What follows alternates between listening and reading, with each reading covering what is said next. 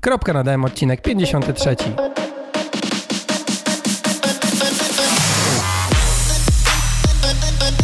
Cześć, jestem Marcin i właśnie słuchasz mojej audycji o triatlonie. Poznasz w niej fajne osoby, dowiesz się ciekawostek odnośnie treningu i sprzętu i co najważniejsze, posłuchasz o tym, jak pozostać normalnym człowiekiem. Bo choć sport to całe nasze życie, to jednak życie to nie tylko sport. sport.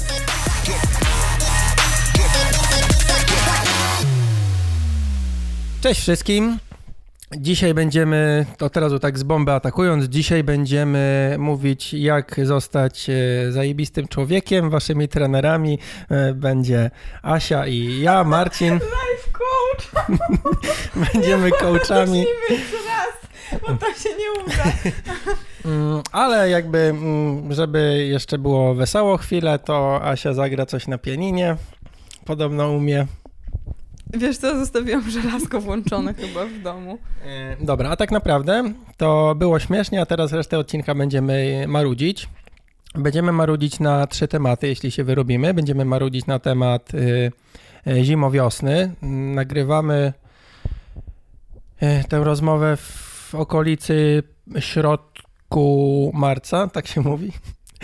Jest y, który? 16 marzec. Mm, Ten Marca. odcinek się w kwietniu, 16 marca, czy 16 marca? Dziś jest 16 marca, nagrywam Dobrze. 16 marca. Okej, niech tak będzie. Każdy Siadaj, wiedział czuję. od początku o co chodzi, ale wszystko można skomplikować. I mm, no cóż, drugi raz zaatakowała nas zima. Było plus 8, zrobiło się minus 2.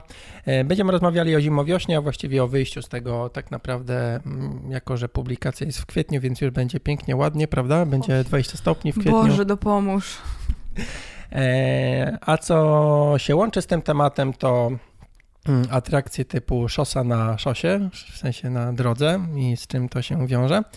E, Czyli tak naprawdę to są dwa tematy, ale to się spoi w jeden. A kolejną rzeczą, którą chciałbym poruszyć, to będzie kasa, dolary, euro, ewentualnie złotówki e, w sporcie. Asia, jak ci się trenuje ostatnimi czasy? No, powoli do przodu staram się. Pozytywne jest nastawienie. Tak, bardzo optymistyczne. Przekonałaś wszystkich. Starałam się. Jak w ogóle tobie się trenuje zimą? Dobrze, niedobrze? Lubisz trenażer, lubisz biegi, jak jest minus 27? Minus 27 to jest chyba w mojej zamrażarce, no na szczęście. Nie no, na szczęście zima nie była jakoś koszmarnie, strasznie mroźna w tym roku, więc właściwie no nie ma na co narzekać. Były może takie dwa tygodnie, kiedy były minus 10 temperatury takiego rzędu, no to wtedy oczywiście trzeba uciec pod dach, ale zimę postrzegam jako umiarkowanie... Yy, umiarkowanie kulturalną w tym roku, także uważam, że nie było najgorzej. Biorąc pod uwagę na przykład, nie wiem, trzy lata temu zimę. Było zimno wtedy? Ja nie wiem, mi się ostatnie lata w ogóle kojarzą z taką zimą, której nie ma, ewentualnie na parę dni spadnie śnieg, który No zaraz właśnie. znika. Także no, uważam, że nie ma tragedii. Ja zasadniczo jestem człowiekiem lata. Lubię jak jest 20 stopni, jak jest 30 stopni. Im więcej, tym lepiej zasadniczo. Nie przeszkadzają mi upały. Hm, pewnie pożałuję tego, co mówię za kilka miesięcy, ale daj Boże, żeby tak było. No zimą rzeczywiście trenuje mi się gorzej i myślę, że to jest raczej taka globalna tendencja. Raczej znam chyba niezbyt dużo osób, które trenują sport wytrzymałościowy, które trenują y, na zewnątrz i które twierdzą, że zimą trenuje im się lepiej lub chociaż równie dobrze niż latem. No myślę, że to wynika głównie z długości dnia, bo jednak teraz już jest i tak bardzo dobrze, ale w grudniu czy w styczniu jest po prostu smutno i szaro. A poza tym właśnie jest smutno szaro, bo nie ma słońca, więc gdyby nie witamina D i witamina K, to pewnie bym była zdrapywana z podłogi trzy razy dziennie. No tak, ale znaczy w ogóle ty jesteś dla mnie takim fajnym przykładem, e, który mi poprawia humor, nastrój ogólnie e, wiem, życiowy, jeśli chodzi Komplement. o nie, generalnie to chyba nawet wczoraj ci pisałem na Facebooku, że e, mój e, facebookowy wall jest przepełniony obecnie zdjęciami z Portugalii, Hiszpanii, z Meksyku, E, nikt nie trenuje generalnie w Polsce obecnie. Dzięki. My name is nobody. ja sobie myślę, hello, wszyscy mają tak zarąbiście. I wtedy przychodzi właśnie Asia z odsieczą, odpalam Instagrama, jest y, Aśka biegnie. Trenażer, bieżnia. Dokładnie. 25, basen. Mm, tak, generalnie da się przygotować do sezonu chyba, co? Nie wyjeżdżając. No tak, oczywiście. Myślę, że nikt nie ma co do tego wątpliwości. A psychicznie? Bo nie, ja tak odczuwam od kilku lat, że tak naprawdę uważam, że mi zima nie przeszkadza, no bo przecież w grudniu, w styczniu, tak jak mówisz, jest smutno, ale jakoś to idzie, nie? Mhm. A gdy się tak naprawdę zaczyna robić jasno, tak jak jest teraz, marzec, początek kwietnia nawet, to nagle u mnie narasta irytacja i to się z roku na rok powtarza już, że zacząłem sobie zapiski prowadzić i żeby móc się do tego odnieść i, i faktycznie tak jest, że marzec, kwiecień to jest tragedia, mimo że tak naprawdę robi się fajniej, mhm. a ale chyba człowiek już ma tak dość tej zimy, że, że, wtedy, kiedy się robi lepiej, to go trafia. I ty chyba teraz też masz tam, mm, tak podobnie, już pomijając jakieś tam inne życiowe. Mm, znaczy wydaje mi się, że zima jest na tyle długa, że każdego jest w stanie postawić w Polsce, to po pierwsze. A po drugie, jednak jak zaczyna się taka wiosna, to my zaczynamy, zaczynamy łapać tę wiosnę za nogi i za ręce i zaczynamy wykorzystywać Ona ją do cna. No właśnie, po pierwsze to tak, a po drugie zaczynamy trenować jak opętani. Ja na przykład y, wbrew planowi treningowemu już kilka razy wyrwałam się na rower szosowy i tak jak y, uważam, że moje morale podbudowało to naprawdę wielokrotnie, tak oczywiście plan treningowy troszkę ucierpiał na tym, natomiast wiesz, z tymi wyjazdami to jest tak, że one. Co tam piszą? Z tymi wyjazdami to jest tak, że one na pewno dla głowy są jakimś handicapem. Natomiast y, ja obawiam się, że nie mam nic przeciwko takim wyjazdom, absolutnie nie wartościuję, nie oceniam, nie komentuję i tak dalej. Natomiast y, wydaje mi się, że niestety łatwo jest wpaść w taką tendencję, że to jest cel sam w sobie, wiesz? Wyjeżdżanie, yy, trenowanie w fajniejszych warunkach i no właśnie bardzo chcę uniknąć tego. Bo tak jak dla amatorów, yy, trenowanie na przykład bardzo wcześnie i bardzo późno po pracy i natłok tych wszystkich obowiązków życiowych, rodzinnych, służbowych rzeczywiście jest na tyle obciążający, że taki wyjazd to jest po prostu wakacje, prawda? Mhm. Można wtedy faktycznie potrenować więcej, natomiast dla zawodowców no, wydaje mi się, że nie jest to, na, znaczy jestem pewna, że nie jest to niezbędne. Czy jest to bardzo duży plus? No, zależy od człowieka.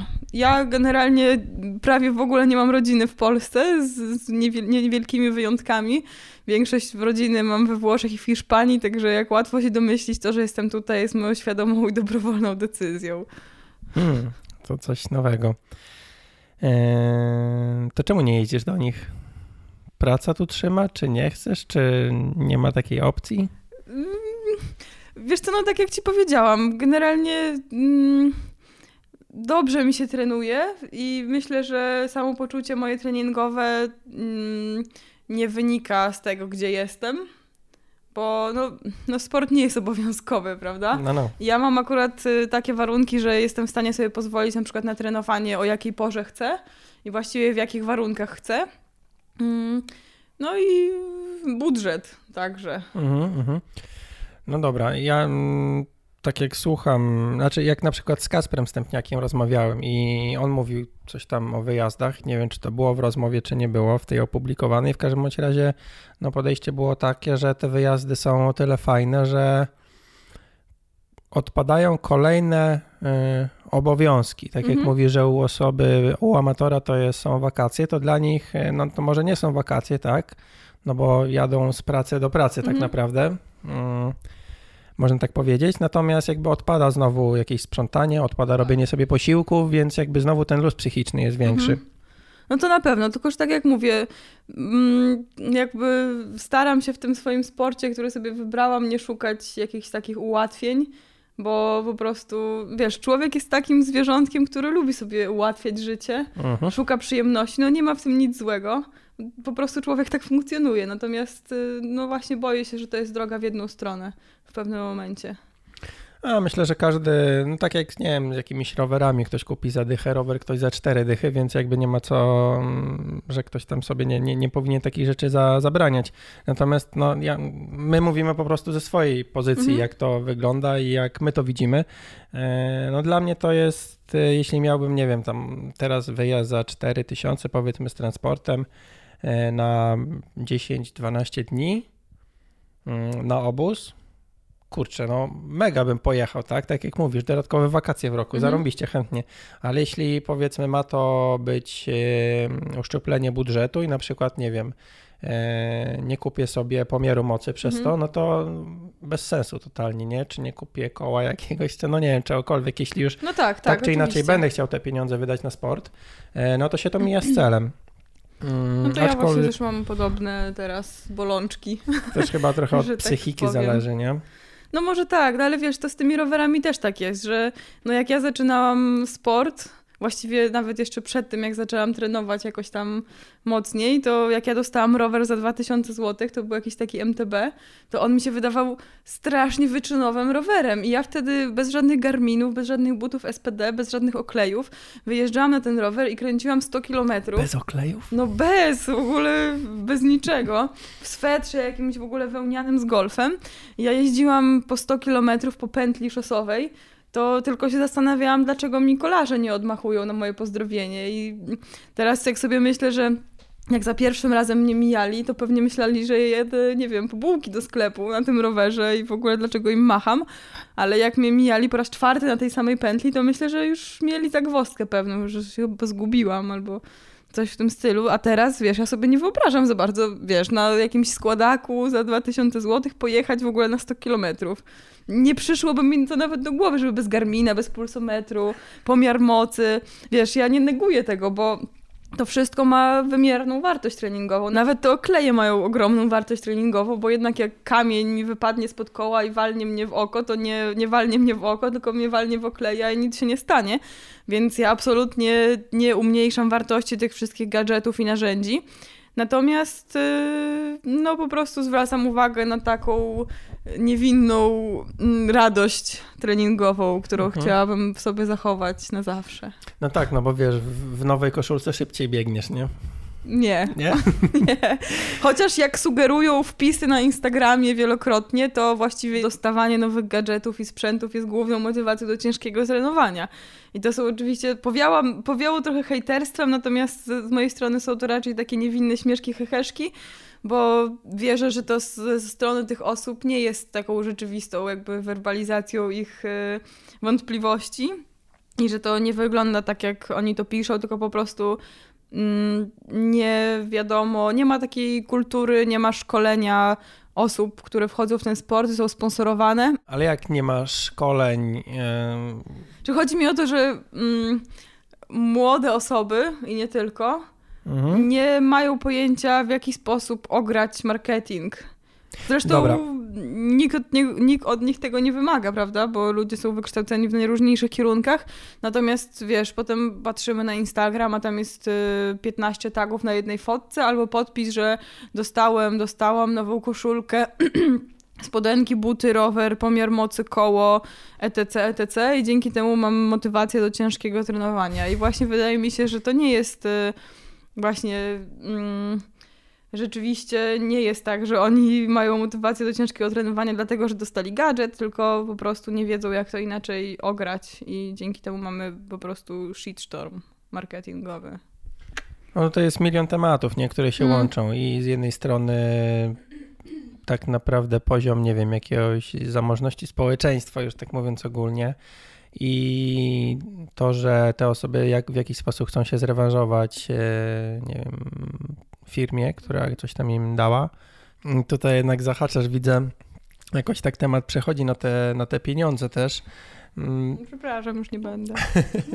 nie, ale no, ogólnie tak patrząc, jeśli wchodzi w sport ktoś młody, teraz, e, ktoś bardzo młody, no to no nie wiem, ja też obserwuję tylko ten top, tak, no bo jakby tym topem się człowiek interesuje, a e, tysiąc ludzi, którzy gdzieś tam ciężko pracują, żeby się dostać do tego topu, e, się ich nie widzi zupełnie. Natomiast True tak jak story. ostatnio były, mm, Polski Związek Triatlonu też się chwalił, tak? Zrobili w Spale? Nie, nie wiem gdzie. Talent ID. Talent ID Mhm. zrobili, gdzie zaprosili młodzież, która gdzieś tam ma szansę zaistnieć za, za kilka lat, e, zabłysnąć powiedzmy w zawodach triatlonowych.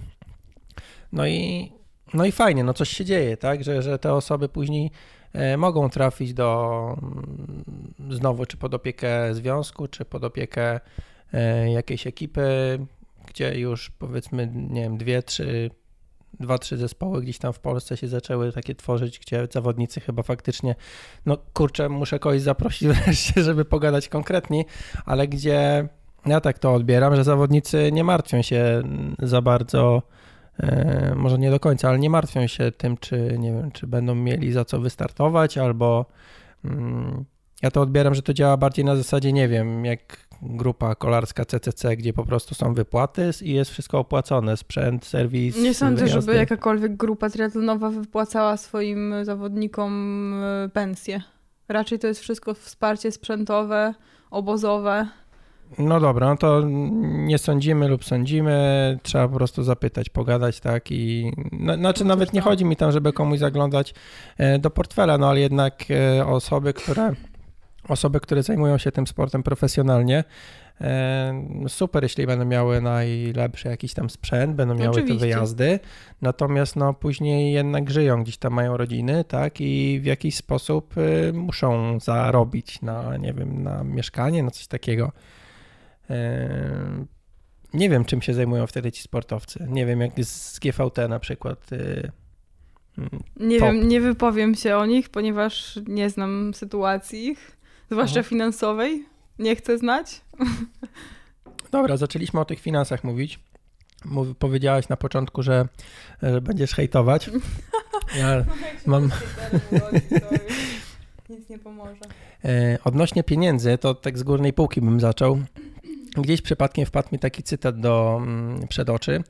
E, Gortat powiedział Marcin.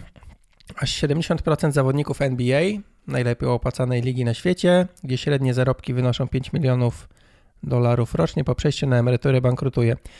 E, Ja w ogóle sportowców bym podzielił na, na, na trzy grupy. Jeden to jest top, czyli nie wiem, Robert Lewandowski, e, Mike Tyson, osoby, które zarabiały potężne pieniądze i albo coś z tym zrobiły, jak nie wiem, Ronaldo ma jakieś tam swoje ciuchy, w ogóle oni często w ciuchy wchodzą, ale mm, nie wiem, jakieś kosmetyki, jakieś e, produkcje związane z, z jedzeniem, e, różne, różne są pomysły. Mm, Albo jest Mike Tyson, który, nie wiem, zarobił ileś tam set milionów dolarów i nie ma nic, e, bo nie pomyślał, co można z tym zrobić dalej. Mm, Później jest osoby, które zarabiają jakieś solidne pieniądze. Nie, tutaj mm, to jest taki duży przeskok, ale mm, powiedzmy jakiś tam top takich dyscyplin mniej popularnych. E, I, no i cała reszta, gdzie ludzie myślą, że oni żyją w złotej bańce, a oni mają kontrakt na 3000 zł miesięcznie w jakiejś drugiej lidze polskiej w piłce nożnej i, i tak naprawdę orają, bo może gdzieś tam im, wiesz, coś zabłysną i, i dodadzą zero do comiesięcznego rachunku. No w piłce nożnej i tak się powodzi całkiem nieźle, jeśli porównać to z innymi sportami, na przykład sporty wytrzymałościowe wszelkie. No, ciekaw jestem właśnie jak to wygląda w triatlonie, bo e, swego czasu, niedawno temu, chyba na Akademii Triatlonu było podsumowanie e, w cudzysłowie e, zarobków polskich triatlonistów, tak? Tam była Agnieszka Jerzyk, właśnie kilka tych najbardziej popularnych nazwisk i tylko, że to jedyne co tam było, to tak naprawdę suman, sumane, sumowane wartości nagród pieniężnych zawodów. E, No i wyszły tam jakieś, no nie powiem, że drobne, tak, ale jakby jak jesteś jednym z trzech najlepszych nazwisk, że tak powiem, w Polsce w swojej dyscyplinie, no to, to można powiedzieć, że to są niskie wynagrodzenia. E, W triatlonie są pieniądze? Jak uważasz? Nie mówię, czy, czy wiesz. Pieniądze są w firmach, które są potencjalnymi sponsorami dla triatlonistów, to z całą pewnością. Wiem, że taki ranking na Akademii Triatlonu istnieje, wiem, że jest prowadzony na bieżąco, bo co jakiś czas skakuje na top. Ty? Nie, co? Wpis. Wpis skakuje na, na lead, No. y, na te tam pierwsze, że tak powiem, strony. Mm, Natomiast ja nie zaglądam tam w ogóle, bo nie interesuje mnie to. Uważam, że zaglądanie komuś do portfela jest po prostu nie w porządku. Poza tym honoraria z zawodów, y, no to nie jest pensja przecież. Nikt nie utrzymuje się z y, honorariów z zawodów. To jest kropla w morzu tak Mhm. naprawdę. Można to porównać, nie wiem, do premii rocznej, do jakiejś trzynastki powiedzmy.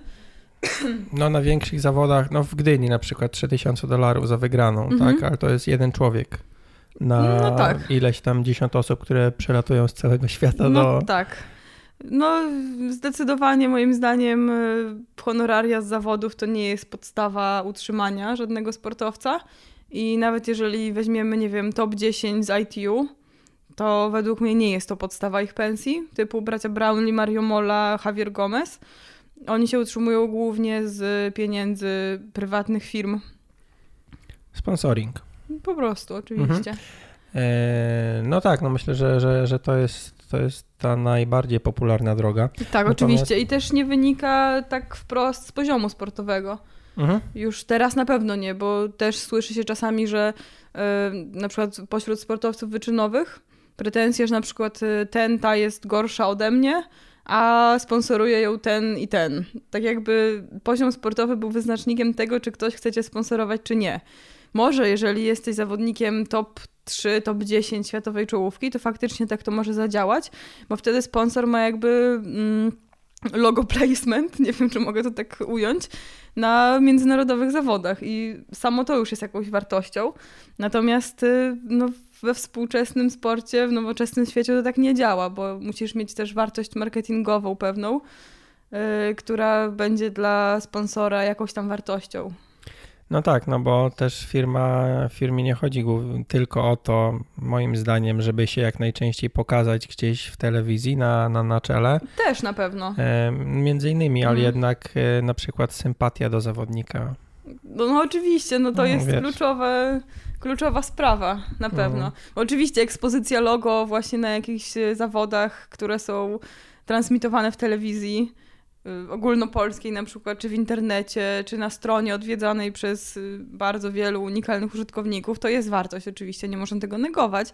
Natomiast no po prostu nie wynika to wprost z wyniku sportowego. Mhm. E, Fajnym przykładem tutaj jest a propos mm, czasu antenowego i tak dalej, e, jak Jonathan, chyba Jonathan, nie, nie wiem, któryś z braci Brownlee, Mm, jak gumę złapał i zaczął biec tym rowerem.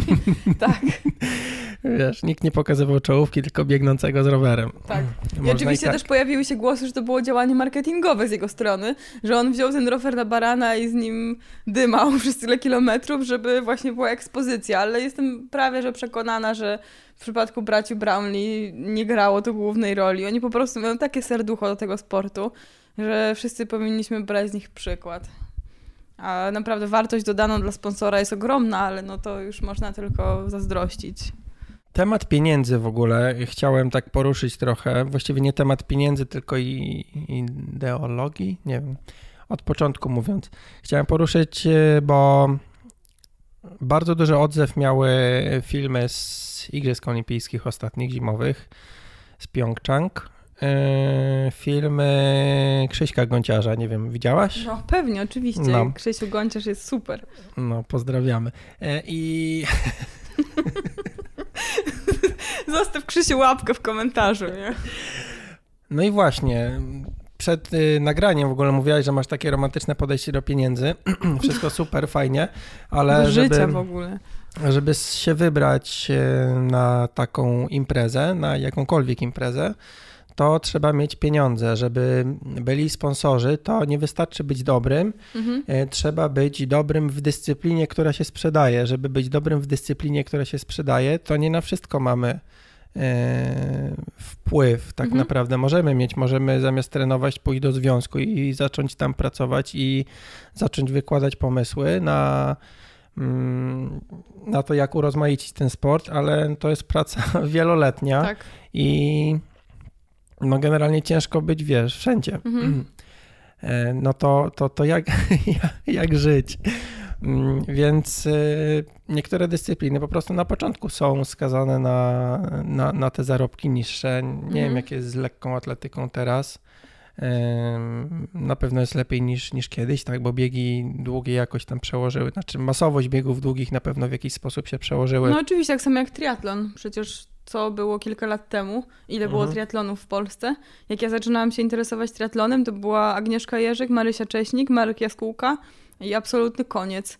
I żeby triatlon w Polsce znaleźć, to ło, panie. Nawet nie wiedziałam, gdzie szukać, a teraz przecież kilka triatlonów jest w każdy weekend. Mhm. Także oczywiście promocja masowego sportu, zresztą tutaj ogromną robotę zrobiło Sport Evolution, robiąc Herbalife Ironman, tr- no właściwie nie Ironman jeszcze, tylko po prostu Herbalife Triathlon w suszu i wybierając ambasadorów jakby spośród ludzi, którzy wcześniej się tym sportem nie zajmowali, to był strzał w dziesiątkę. Więc od tej pory masowość rośnie i dzięki temu sponsorzy wchodzą, dzięki temu y, telewizje zaczynają się tym interesować. Normalna sprawa. Hmm.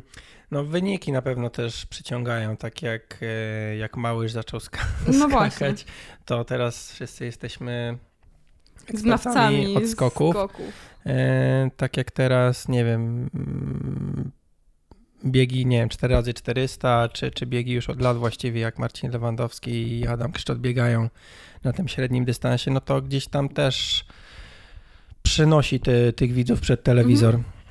Natomiast e, no ciekaw jestem, jak później na to firmy patrzą, bo nawet patrząc na tą lekką atletykę w zeszłym roku czy w 2016 e, była mocna ekipa mm, biegaczy, chyba i średni i długi dystans. Jakoś się dobrali w, w paczkę i ogłosili akcję na Polak Potrafi albo na czymś takim, żeby wiesz, jechać na zgrupowanie. I no, topowi zawodnicy lekkiej z Polski yy, lub ocierający się o ten absolutny top. No i coś jest nie tak. Wiesz, no można też mówić znowu tak, że się nie potrafią sprzedać, ale no dla mnie te osoby są akurat w miarę widoczne w mediach Mhm. społecznościowych w taki sposób e, nie natarczywy, bo pewnie nie przeznaczają na to za dużo czasu, może za mało, e, ale no szkoda kurczę jednak, że, że wiesz, teraz ja się ten rozmarzam, że szkoda i tak dalej. Mm, Wiesz co, ja nie wiem o jakiej sytuacji ty mówisz, o jakich biegaczach, więc trudno mi się odnieść Mhm. do tej konkretnej sytuacji. No Także ale ogólnie, wiesz, nie wiem jak ugryźć do końca ten temat, bo fajnie jakby wszystko tak wyglądało jak u, w najlepszych przykładach w Polsce, tak? Mhm. Ale sytuacja wygląda tak, że dla mnie e, sportowiec to jest tak jakby firma i jednoosobowa korporacja, No tak. gdzie masz, y, nie wiem, zarobki, powiedzmy, że zebrałeś kilku drobnych sponsorów. Też nie chcę zaglądać y, nikomu do kieszeni, totalnie nie wiem, czy się przestrzelę o 1-0, czy o, o co, ale załóżmy, że nie wiem, ktoś ma mm, przychody z własnych jakichś działalności i, i od sponsorów, nie wiem, 12 tysięcy złotych strzelam. I kurczę, wiesz, dużo to jest, nie? Tak pieniędzy, żeby mieć 12 tysięcy na miesiąc. E, ale masz to na życie, które tam pochłania jakąś kwotę. Mm, No i teraz jeśli w ogóle super jest, jak, super jest, jak już jesteś na, na jakimś tam poziomie wysokim, że, że niewiele ci potrzeba tak, e, żeby się gdzieś pokazać, ale później, e, żeby się rozwijać, no to nie wystarczy, że, że kupisz sobie raz na miesiąc buty, tylko wiesz, latają gdzieś właśnie po, po jakichś płaskowyżach.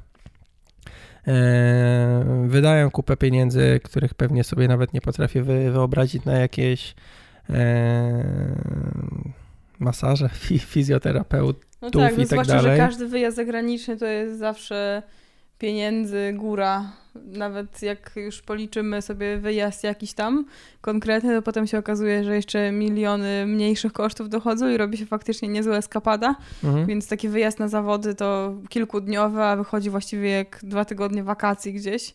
A jeszcze biorąc pod uwagę to, że przecież sportowiec nie wyjeżdża tak raz, ani na pół roku, ani na rok, ani jeszcze rzadziej, tylko znacznie, znacznie częściej, no to rzeczywiście robi się bardzo dużo pieniędzy z tego. A jeśli jeszcze weźmiemy system kwalifikacji do Igrzysk Olimpijskich, który jest brutalny i bardzo forsochłonny, to rzeczywiście robi się z tego bariera no, bardzo trudna do przeskoczenia, bo trzeba zbierać punkty do kwalifikacji olimpijskiej właściwie przez dwa lata I to nie w Pcimiu, w Gdyni i w Krakowie, tylko właśnie w najróżniejszych zakątkach świata. Jeszcze porównując do tej analogii odnośnie firmy, to, to, to, to te wyjazdy to jest inwestycja, nie? Tak jak inwestujesz w firmie. Pytanie, czy się zwróci. No to też różnie bywa. Później Problemy wiesz, startupów, powiedzmy.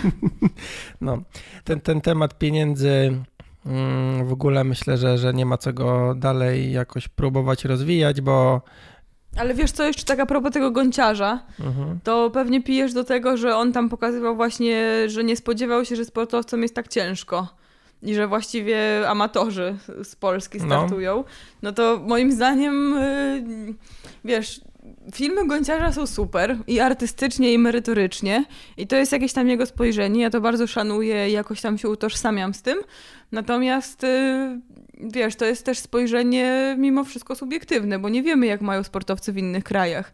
Możemy mhm. ubolewać, że jakiś tam ziomek pracuje na budowie po igrzyskach, a jakaś bobsleistka musi coś tam innego robić, oprócz tego, że trenuje, ale no nie mamy pojęcia przecież jak to jest w innych krajach. Przecież nie mamy żadnych danych. Domyśliłbyś się, że nie wiem, narciarze albo bobsleiści, albo łyżwiarze coś robią dodatkowego i co to jest? No nie domyśliłbyś się. No nie wiadomo.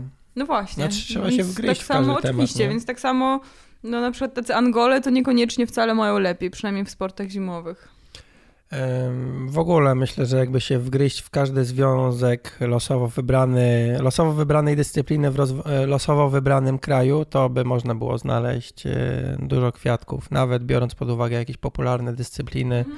w danym kraju, to no nie wiem, biorąc pod uwagę u nas, gdzie no te skoki narciarskie jeszcze raz, no to co jakiś czas wybucha afera, że w związku e, nachapali się na Małyszu i wiesz, teraz jadą, ale to jakby w ogóle insza inszość. Wszystko wygląda świetnie, dopóki nas nie ma w środku, nie?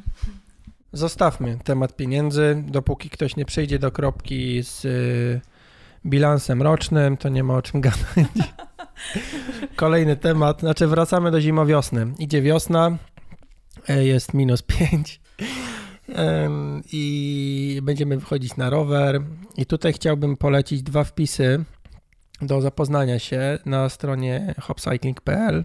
Hopcycling Ej, to weź mój e, blog też poleć, ja coś, ja coś napiszę do pory publikacji. E, tak, Asia prowadzi blog, jak pewnie wszyscy wiedzą i to jest blog, którego nazwę zawsze wpisuję w Google, wpisując tak jak mi się wydaje, że to się pisze, plus na przykład Joanna Skutkiewicz albo coś. A to jest trudne? Poważnie? Kurczę, to może powinienem zmienić domenę w takim razie, ale jak wpiszesz moje imię i nazwisko, to wyskoczy to znajdzie, zawsze znajdzie. z powodzeniem. E, wpisujcie miasta, które chcą, żeby Asia zmieniła nazwę bloga. E, w każdym razie, bardzo fajny wpis. E, Maciek, Maciek autor ma na imię, prawda? E, kapitalnie pisze w sposób prawie tak fajny jak Asia. Dziękuję. Epopeję. Kapitalnie się to czyta. Ostatni wpis, przynajmniej ten, o którym mówię, to jest jak nie zginąć na rowerze. Temat jest poruszony Mm, właściwie jest jeszcze drugi wpis, on nie jest ostatni, ale do niego też zalinkuję. Mm, wpis jest y, kierowca, pieszy, y, rowerzysta, jakoś tak i versus między tymi, y, tymi wyrazami. Chyba jakoś no tak tego nie kojarzę, ale na pewno czytałam. Generalnie jak czytam wpisy Maćka, to bardzo często jedynym komentarzem, jaki jestem w stanie z siebie wydobyć, jest anglicyzm dokładnie. Tak, bardzo fajnie porusza nie od strony jakichś przepisów, tylko od strony takiej życiowej. Mm, to nasze poruszanie się, żeby być, nie być generalnie ujem na ulicy, a właściwie nawet nie chodzi o to, żeby nie być ujem, tylko o to, żeby myśleć, co sprawia no, największy problem. myśleć o swoim własnym interesie, jakim jest zachowanie życia, zdrowia i karbonowej ramy w jednym kawałku. I karbonowych kół na zakręcie. Ho, ho, ho. Słucham. E, tak, a, a propos, bo dobra, zaczynając o, od początku, znaczy opowiadając o czym w ogóle jest ten wpis. E, jak sobie już go przeczytacie, to będziecie wiedzieli. Ale chodzi o to, że mm, to, że mamy pierwszeństwo, ok, ale fajnie by było zwolnić, bo fajnie jest myśleć, że coś może się wydarzyć. E, fajnie, jeśli umiemy przewidywać, że coś się może wydarzyć, i fajnie, jeśli umiemy spojrzeć, e, jak wygląda sytuacja z drugiej strony. Czyli jeśli jesteśmy czasami pieszym, czasami rowerzystą, a czasami kierowcą, to najczęściej mamy takie doświadczenie, które pozwoli nam mądrzej poruszać się po, po drodze. Zdecydowanie potwierdzam. Mm, a tutaj jeszcze jeden e, aspekt chciałbym poruszyć. Dzisiaj jakąś dyskusję widziałem w internecie, ktoś nie miał racji, wyobraź sobie. Współczuję, co musiałeś przeżywać. Tak, ale chyba tam nie komentowałem za dużo. Za dużo. Od czwartej trzymam, tylko rano do 7.30. Trzymam to w sobie, będę musiał z tym żyć. Mm, a propos, temat chyba był a propos poruszania się motocyklów po buspasach, że teraz nie tylko autobusy będą mogły się, i to chyba w ogóle chodzi tylko o Warszawę, ale nie mhm. jestem pewien, że nie tylko autobusy się będą mogły poruszać i taksówki tym buspasem, ale również motocykle. Super. No i wrzawa generalnie jest taka, że jak to? Hmm. Oni mogą, a no my tak. nie. Właśnie. No i teraz z drugiej strony jest argument, jeśli oni mogą, a wy nie, y, poprzez to, że ci motocykliści będą mogli się tam poruszać, korki zmaleją. Oczywiście, tak? będzie bezpieczniej dużo dla będzie nich. Będzie bezpieczniej. Y, przypadkowe jakieś, no bo motocykliści się przepychają i będą przepychać, Szybko tak jak rowerzyści. poruszają się i niepostrzeżenie. E, ale ja też chodzi o, za, wiesz, o, o, światła, że między samochodami no tak, tak, jeżdżą, tak. tak? tak no tak no samo bo... jak kolarze zresztą. Dokładnie. E, tylko, że no kolarze też niekoniecznie muszą gdzieś tam pchać się na przód, nie? Ale to, to, to inna jeszcze sprawa. Mhm. E, no i właśnie, wiesz, jakby nie ma jakichś specjalnych negatywów w takiej sytuacji, że ci motocykliści No tak, ale że... dlaczego sąsiad ma mieć lepiej niż ja, prawda? No i właśnie. bo życie to jest y, gra o sumie zerowej. Jeśli on ma lepiej, to ja na pewno mam. Gorzej, oczywiście, Dokładnie. bo stracę nie wiem co. Mhm. No i teraz przenosząc to na. Y, ale fajnie się zrobiło. Jeszcze więcej hejtu, jeszcze więcej marudzenia. Y, przenosząc to na to nasze wiosenne jeżdżenie. no to kierowcy najpierw będą szczęśliwi, ci kierowcy, kierowcy, którzy się poruszają tylko za kierownicą, wychodzą z zimowego letargu, gdzie zamiast 60 y, mogą jechać 120 na tej samej drodze, bo jest sucho e, i nagle jedzie im jakiś y, pedalista, cyklista e, i kręci, jedzie 30 na godzinę. Mhm. No i to już jest y, problem, bo ja muszę zwolnić do jego mm, do jego prędkości, aczkolwiek no ten problem e, Y, takim podstawowym tematem, o którym się dyskutuje. Natomiast y, w tym wpisie Macieja jest takie fajne podejście, które jest y, mało popularne i które mi też trochę otworzyło oczy odnośnie ścieżek rowerowych, o tym, że naszymi super bestiami mamy się poruszać po ścieżkach, a nie po, a nie po szosie, bo szosa jest na, na szosę. E, I wpis jest niewygodny, ale podany w takiej bardzo fajnej, e, fajnym języku. Tak, bo on tam twierdzi, że no, ścieżka rowerowa ma pewne benefity, których nie oferuje nam szosa i jednak je, jeźdźmy tymi bestiami po ścieżce rowerowej. E, tak, bo idea jest taka, że jeśli mamy samochód y, traka jakiegoś wysokiego i na, znaczy to nie jest przykład wpisu, to ja tak swoje mhm. analogie jakieś robię. Y, I jest parking podziemny, który ma wysokość 3 metrów, to możemy tam wjechać, ale rozwalimy sobie samochód. Jeśli jest, kupimy sobie jakieś Lamborghini, to nie pojedziemy na wieśni, bo zawiśniemy na drodze polnej. Więc jeśli jedziemy zrobić trening, to wybieramy taką trasę, żeby tą szosą przejechać, a ewentualnie na miejsce treningu grzecznie się poruszamy mhm. E, ścieżkami. Jeśli ktoś e, uważa, że, że, że te ścieżki rozwalą mu koła, no to niech jedzie inną drogą. Jeśli chce dojeżdżać do pracy, to niech wybierze rower, który jest y, no tak, do oczywiście. tego dostosowany. Oczywiście, jakby wtedy ktoś może powiedzieć, że no powinniśmy posiadać 7 rowerów, tak? No ale jeśli nie posiadamy odpowiedniego sprzętu, żeby wybrać się, nie wiem, w interior Islandii, no to nie pojedziemy tam, no, bo umrzemy. Tough life. No. No, nie no, oczywiście. Aczkolwiek, no właśnie, jak jest u ciebie z poruszaniem się po ścieżkach? Eee, jeśli mogę, to unikam, bo generalnie ścieżki rowerowe to jest trochę śmierć z tego powodu, że kierowcy nie patrzą, bardzo słabo uważają. Plus wiosną, latem jest tam bardzo tłoczno. Mm, I to niestety jest tłok wynikający z dużej liczby ludzi, którzy poruszają się w niesprecyzowanych kierunkach bardzo gwałtownie. I to jest po prostu niebezpieczne.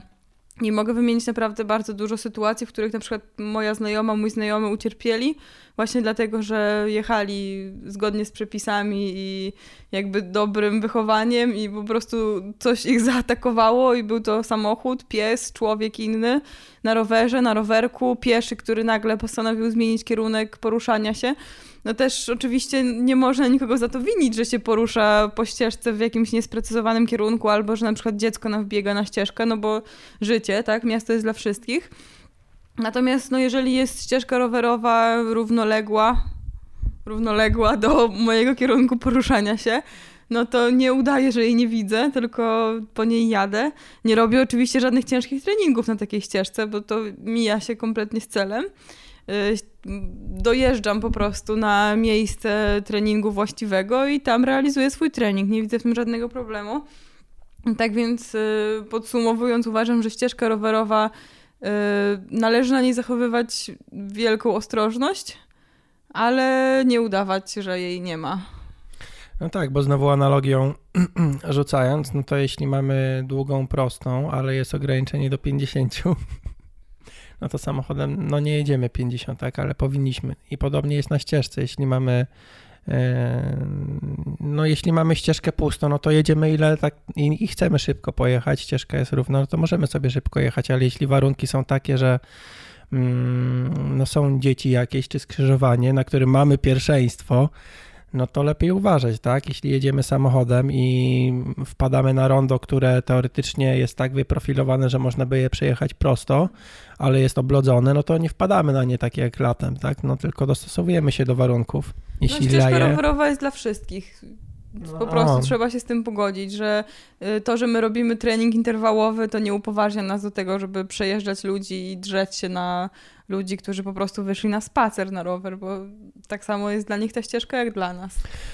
No, tylko nie wiem też na ile jakby nie znam Polski za dobrze w, takim, w takich detalach. Nie wiem na ile nam jest łatwo powiedzieć to, bo mamy warunki, myślę, w którym mieście całkiem fajne do uprawiania różnych dyscyplin sportowych. No pod Warszawą też jest nie najgorzej i kultura kierowców jest bardzo wysoka. Tak? Tak, no to właśnie. znaczy wiele osób tam się bardzo spieszy i często nie uważa, Natomiast jeżeli chodzi o taką świadomość tego, że tutaj może być kolaż, tutaj może być grupa, to uważam, że jest bardzo wysoka i na przykład porównując z kulturą kierowców y, w Trójmieście kilka lat temu, to nieporównywalnie wyższa. Teraz wydaje mi się, że jest porównywalnie dobrze.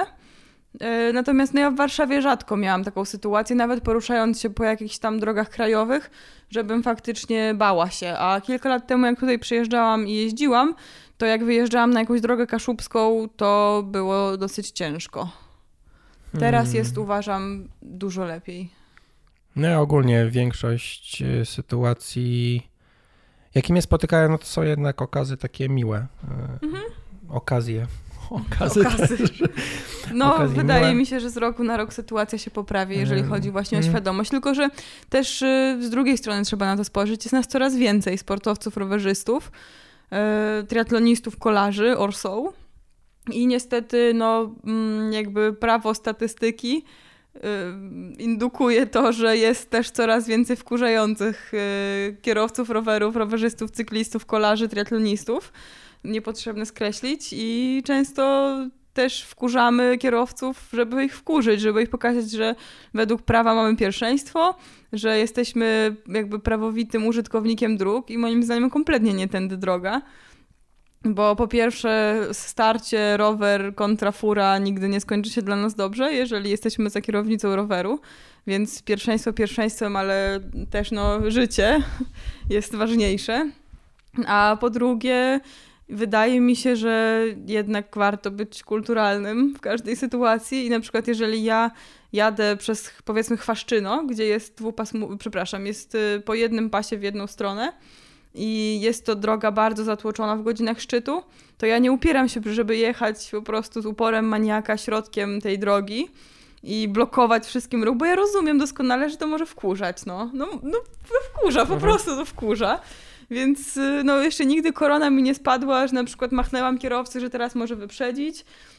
Albo jak na przykład jest podwójna ciągła, to zjeżdżam do zatoczki autobusowej, przepuszczam tam iluś ludzi i no nic mi się z tego powodu nie dzieje, prawda? Na koma tam nie jeżdżę. No tak, bo my też widzimy, co jest przed nami, czy jakby możemy zjechać bardziej do krawędzi drogi, bo zaraz nam studzienka nie wyrośnie. Tak, tak, zapadnięta. oczywiście. No też y, nie polecam jeżdżenia bardzo blisko krawędzi prawej, bo możemy się zdziwić, jeżeli ktoś zechce nas wyprzedzić na gazetę, to mamy duży problem, bo znajdujemy się w potrzasku nagle, Mhm. ale też jechanie środkiem drogi jest, uważam, po prostu nieuprzejmością i brakiem kultury. Ja rozumiem, że mm, fajnie jest jakby edukować kierowców pod tym względem, że, że rowerzysta nie musi jechać prawą krawędzią jezdni, ale mimo wszystko nie chciałabym, żeby kierowca uczył się jakby na mnie. Nie chciałabym, Mhm. żeby moje zdrowie było na szali tego, że ktoś się czegoś nauczy. Czy no z jednej strony możemy mm, powiedzieć jakby do kierowców, którymi też jesteśmy, że ktoś może się czuć na przykład na tej szosie y, też mniej pewnie i Mhm. jedzie dalej od krawężnika, tak? No bo tak samo jest z samochodami, jeśli ktoś dopiero co nawet nie, że się uczy, ale jedzie mm, po odbiorze prawka, no to też jedzie wolniej i może być zawali drogą. Y, Z drugiej strony, jeśli jesteśmy rowerzystami, a mamy jakieś y, doświadczenie za kierownicą, no to też czasami, czasami, myślę, że nawet często staramy się być uprzejmi, na przykład puścimy kogoś na nasz pas, tak, no bo, e, no bo tak, no bo ktoś chce tam zjechać i nie robi tego nam specjalnie, żeby nam zatarasować drogę, tylko potrzebuje, tak, więc wpuszczamy ludzi, to może tak samo zachowajmy się jako rowerzyści, więc myślimy też o tych innych użytkownikach drogi, nie? Tak, jak najbardziej. No zwłaszcza, że jednak ten rower to jest y, jakiś tam sposób na odstresowanie się, na spędzenie fajnego czasu, na popatrzenie sobie na fajne widoki, więc y, ja staram się całą agresję z siebie wyrzucić, jeśli jestem rowerzystą. Zresztą jeżeli jestem kierowcą, to też, bo jednak fajnie być kulturalnym. Uważam, że jednak dobro powraca i no może się nie opłaca zawsze być super kulturalnym i uczciwym, ale na pewno warto. Zresztą to jest dokładnie tak samo jak w sporcie. I też Maciek napisał coś takiego bardzo ważnego. Kontakt wzrokowy. To jest uważam super ważne. Ja nigdy nie korzystam ze swojego pierwszeństwa, jeżeli faktycznie nie nawiążę kontaktu wzrokowego z kierowcą, jeżeli się nie upewnię, że on mnie widzi, bo to jest po prostu przepis na śmierć. Jeszcze teraz, jak naprawdę potrafię minąć na obwodnicy na przykład samochód, który jedzie prawym pasem, ale już trochę lewym, miga kierunkowskazem w lewo i, le- i jedzie na przykład 60 na godzinę i myślę, Boże, co się stało? Zemdlał, potrzebuje pomocy, boi się, what the fuck? I potem się okazuje, że kobita siedzi i na przykład SMS-uje, nie? To jest masakra. Albo kierowca autobusu, który patrzy na Facebooka, SMS-a czy cokolwiek. To, to jest po prostu straszne i przeraża mnie to i uważam, że po prostu ludzkość wyginie przez patrzenie w telefon za kierownicą. E, Kontakt wzrokowy myślę, że mm, no nie wiem, jako przy starciu kierowca przeciwko kierowcy to jest to samo tak naprawdę, nie? Może jest trudniej o ten kontakt, No zdecydowanie trudniej. niekoniecznie. Tutaj długie światła chyba są bardziej... ale nie, mówię pomocne. o sytuacji na przykład na skrzyżowaniu, przy, pu- przy przepuszczaniu kogoś na skrzyżowaniu, gdzie jeden i drugi skręca w lewo, jadą naprzeciwko siebie No i nie tak, wiedzą, tak, czy jasne. mają zrobić zajazd, tak? W sensie minąć się i skręcić w lewo, czy jakby bezkolizyjnie. Tak, Bo oczywiście. niektóre skrzyżowania też są tak zbudowane, że No nie wiadomo jak jechać. Tylko, że jak jesteśmy my kierowcą samochodu i człowiek jakby kontra któremu jesteśmy, też jest kierowcą samochodu, no to powiedzmy, że mamy jakieś tam równe szanse. Najwyżej się stukniemy i no trudno, świetnie. A jak jesteśmy kierowcą roweru, no to mamy dużo bardziej przerąbane w takiej sytuacji. Także, no tak jak mówię, pierwszeństwo pierwszeństwem, ale jednak. No tak, ale skórę mamy jedną. No Jak teraz sobie myślę o własnych doświadczeniach, czy przypominam sobie jakieś sytuacje, to wiem, że jako rowerzysta prawie zawsze szukam tego kontaktu wzrokowego, ale jako kierowca Mhm. niekoniecznie. Ja tak. A ja właśnie tak sobie teraz zacząłem, wiesz, jakąś e, prze, przemyślenia, retrospekcję odnośnie konkretnych sytuacji nie wiem, czy, czy to jest ta szyba, czy Mhm. na pewno nie jest tak, że czuję się bezpiecznie, tak, bo myślę o tym rowerzyście, ciepło. E, natomiast e, nie wiem, nie mam takiego nawyku, żeby się patrzeć na tego rowerzystę, chyba że tam skręcam w drogę, która przecina, Mhm. którą zaraz ten rowerzysta będzie przecinał, to jak najbardziej przy Mhm. tych niższych wiesz, bo jak jesteśmy na rowerze, to jesteśmy jakby bezpośrednio już w tym świecie Owiewa nas. zewnętrznym, a jak mamy jednak, jesteśmy obudowani, tą blachą, to jakby chyba trochę antropomorfizujemy nasz samochód i mamy tą maskę i mamy te światła, które służą jako oczy. Możemy mignąć, bo też na przykład jak wpuszczam kogoś, y, będąc, będąc samochodem, właśnie a propos antropomorfizacji, y, to też nie zawsze się na niego gapię, no nie, tylko migam tymi światłami i patrzę, jedziesz ziom czy nie. A czasem się zdarza, jak jadę audicą, że człowiek nie pojedzie, ponieważ widzi moje zderzaki, które jakby cztery latarnie temu miały swoje lata świetności. I zdarza mi się, że człowiek albo rezygnuje i na przykład macha mi, że nie, albo długo się zastanawia, wiesz, bo nie wie, czy jestem wyłudzaczem odszkodowań, czy kulturalną niewiastą. A że jest to zawsze odpowiedź B, no to już jakby nie wyjaśnię mu tego. Trudno. Mhm. Ale to tak podsumowując sery odcinek, szukajmy tego kontrakt, kontraktu. Kontraktu też szukajmy, to a propos pieniędzy, a, a propos zimowiosny, to kontaktu wzrokowego również jako kierowcy. E, no bo jednak wszystko się zaczyna od jakichś małych rzeczy i w ten sposób się zmieniają nasze przyzwyczajenia i, e, i zmienia się świat. Oj, no, to tyle na dzień dzisiejszy. Mm, tych, którzy chcieliby więcej, zapraszam. E, o, i to będzie nowość. Tych, którzy by więcej chcieli pooglądać, to zapraszam do zapisania się do newslettera na ironfactory.pl. Również we wpisie będzie, e, będzie zapis i jak ktoś by chciał się zapisać na o rany, ale się zaplątałem. Generalnie chodzi o to, że będziemy nagrywać jeszcze mały bonusowy materiał. E, bez, bez cenzury. E, mały bonusowy materiał i jakby ktoś chciał go obejrzeć, to są dwie możliwości, by do niego dojść. Jeden to zapis na newsletter e, we wpisie na stronie ironfactory.pl łamane na 053, a drugi to zostanie patronem na patronite.pl łamane na ironfactory. Tak to chyba wszystko wszystko jest. Czy Asia chciałabyś coś dodać? Powiedz coś o swoim blogu. Co tam ostatnio pisałaś? Huu, co o ja tam ostatnio pisałam? O przeprowadzce pisałam, o śniegu pisałam. Jakieś podsumowania treningowe też robiłam, ale ostatnio chyba przez dwa tygodnie nie robiłam, bo jakoś tak od bomby do bomby mój trening się odbywa. Jakby wam w kwietniu brakowało śniegu, to możecie akurat, bo w kwietniu będzie ten odcinek, to możecie się ten cofnąć do. No mam nadzieję, Asi. że to już będą wtedy takie kurcze reminiscencje szarych czasów. Tak jak mówię, dzisiejszy dzień w ogóle nie powinien się odbyć. Ja wykreślam go z kalendarza i udaję, że w ogóle on nie istnieje.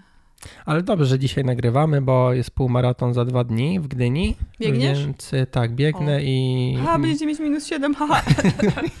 no i właśnie nastroje po biegu mogą być gorsze niż przed biegiem, więc myślę, że, że dobrze, że dzisiaj nagrywamy. E, ja wszystko powiedziałem. E, to wreszcie jak ten blog twój się nazywa? Przeliteruj. Krótkie i o a n n a h h.pl. Joannach. Joannach.pl. Albo po prostu wpiszcie Joanna Skutkiewicz w Google i wyskoczę wam niczym królik z kapelusza. Albo wejdźcie w notatki do tego podcastu i tam będzie link na samej górze wyboldowany. Wszystkie drogi literami. prowadzą do Joannach.pl. Dobra, dzięki wielkie i trzymajcie się. Pożegnasz się? A muszę? Nie lubię pożegnań. O Boże. Nie, dobrze, że jesteśmy live, to powstrzymam się od komentarzy, których mogłabym żałować, wypowiedzenia ich publicznie. Boże, dlaczego jestem takim hejterem? Czy ludzie się tak rodzą? Ty poskładasz to, prawda? Nie muszę się przejmować tym, że gadam jakieś no. głupoty. Dobra, w każdym razie yy, piękny wpis. Yy, słucham? Bez bądź. Co? Bez bądź. Bez bądź? Bez bądź. W każdym razie. A. Bez bądź. Pro, protip. Rzeczownik bez bądź, łabądź, bez bądź. Nie topesz, topesz.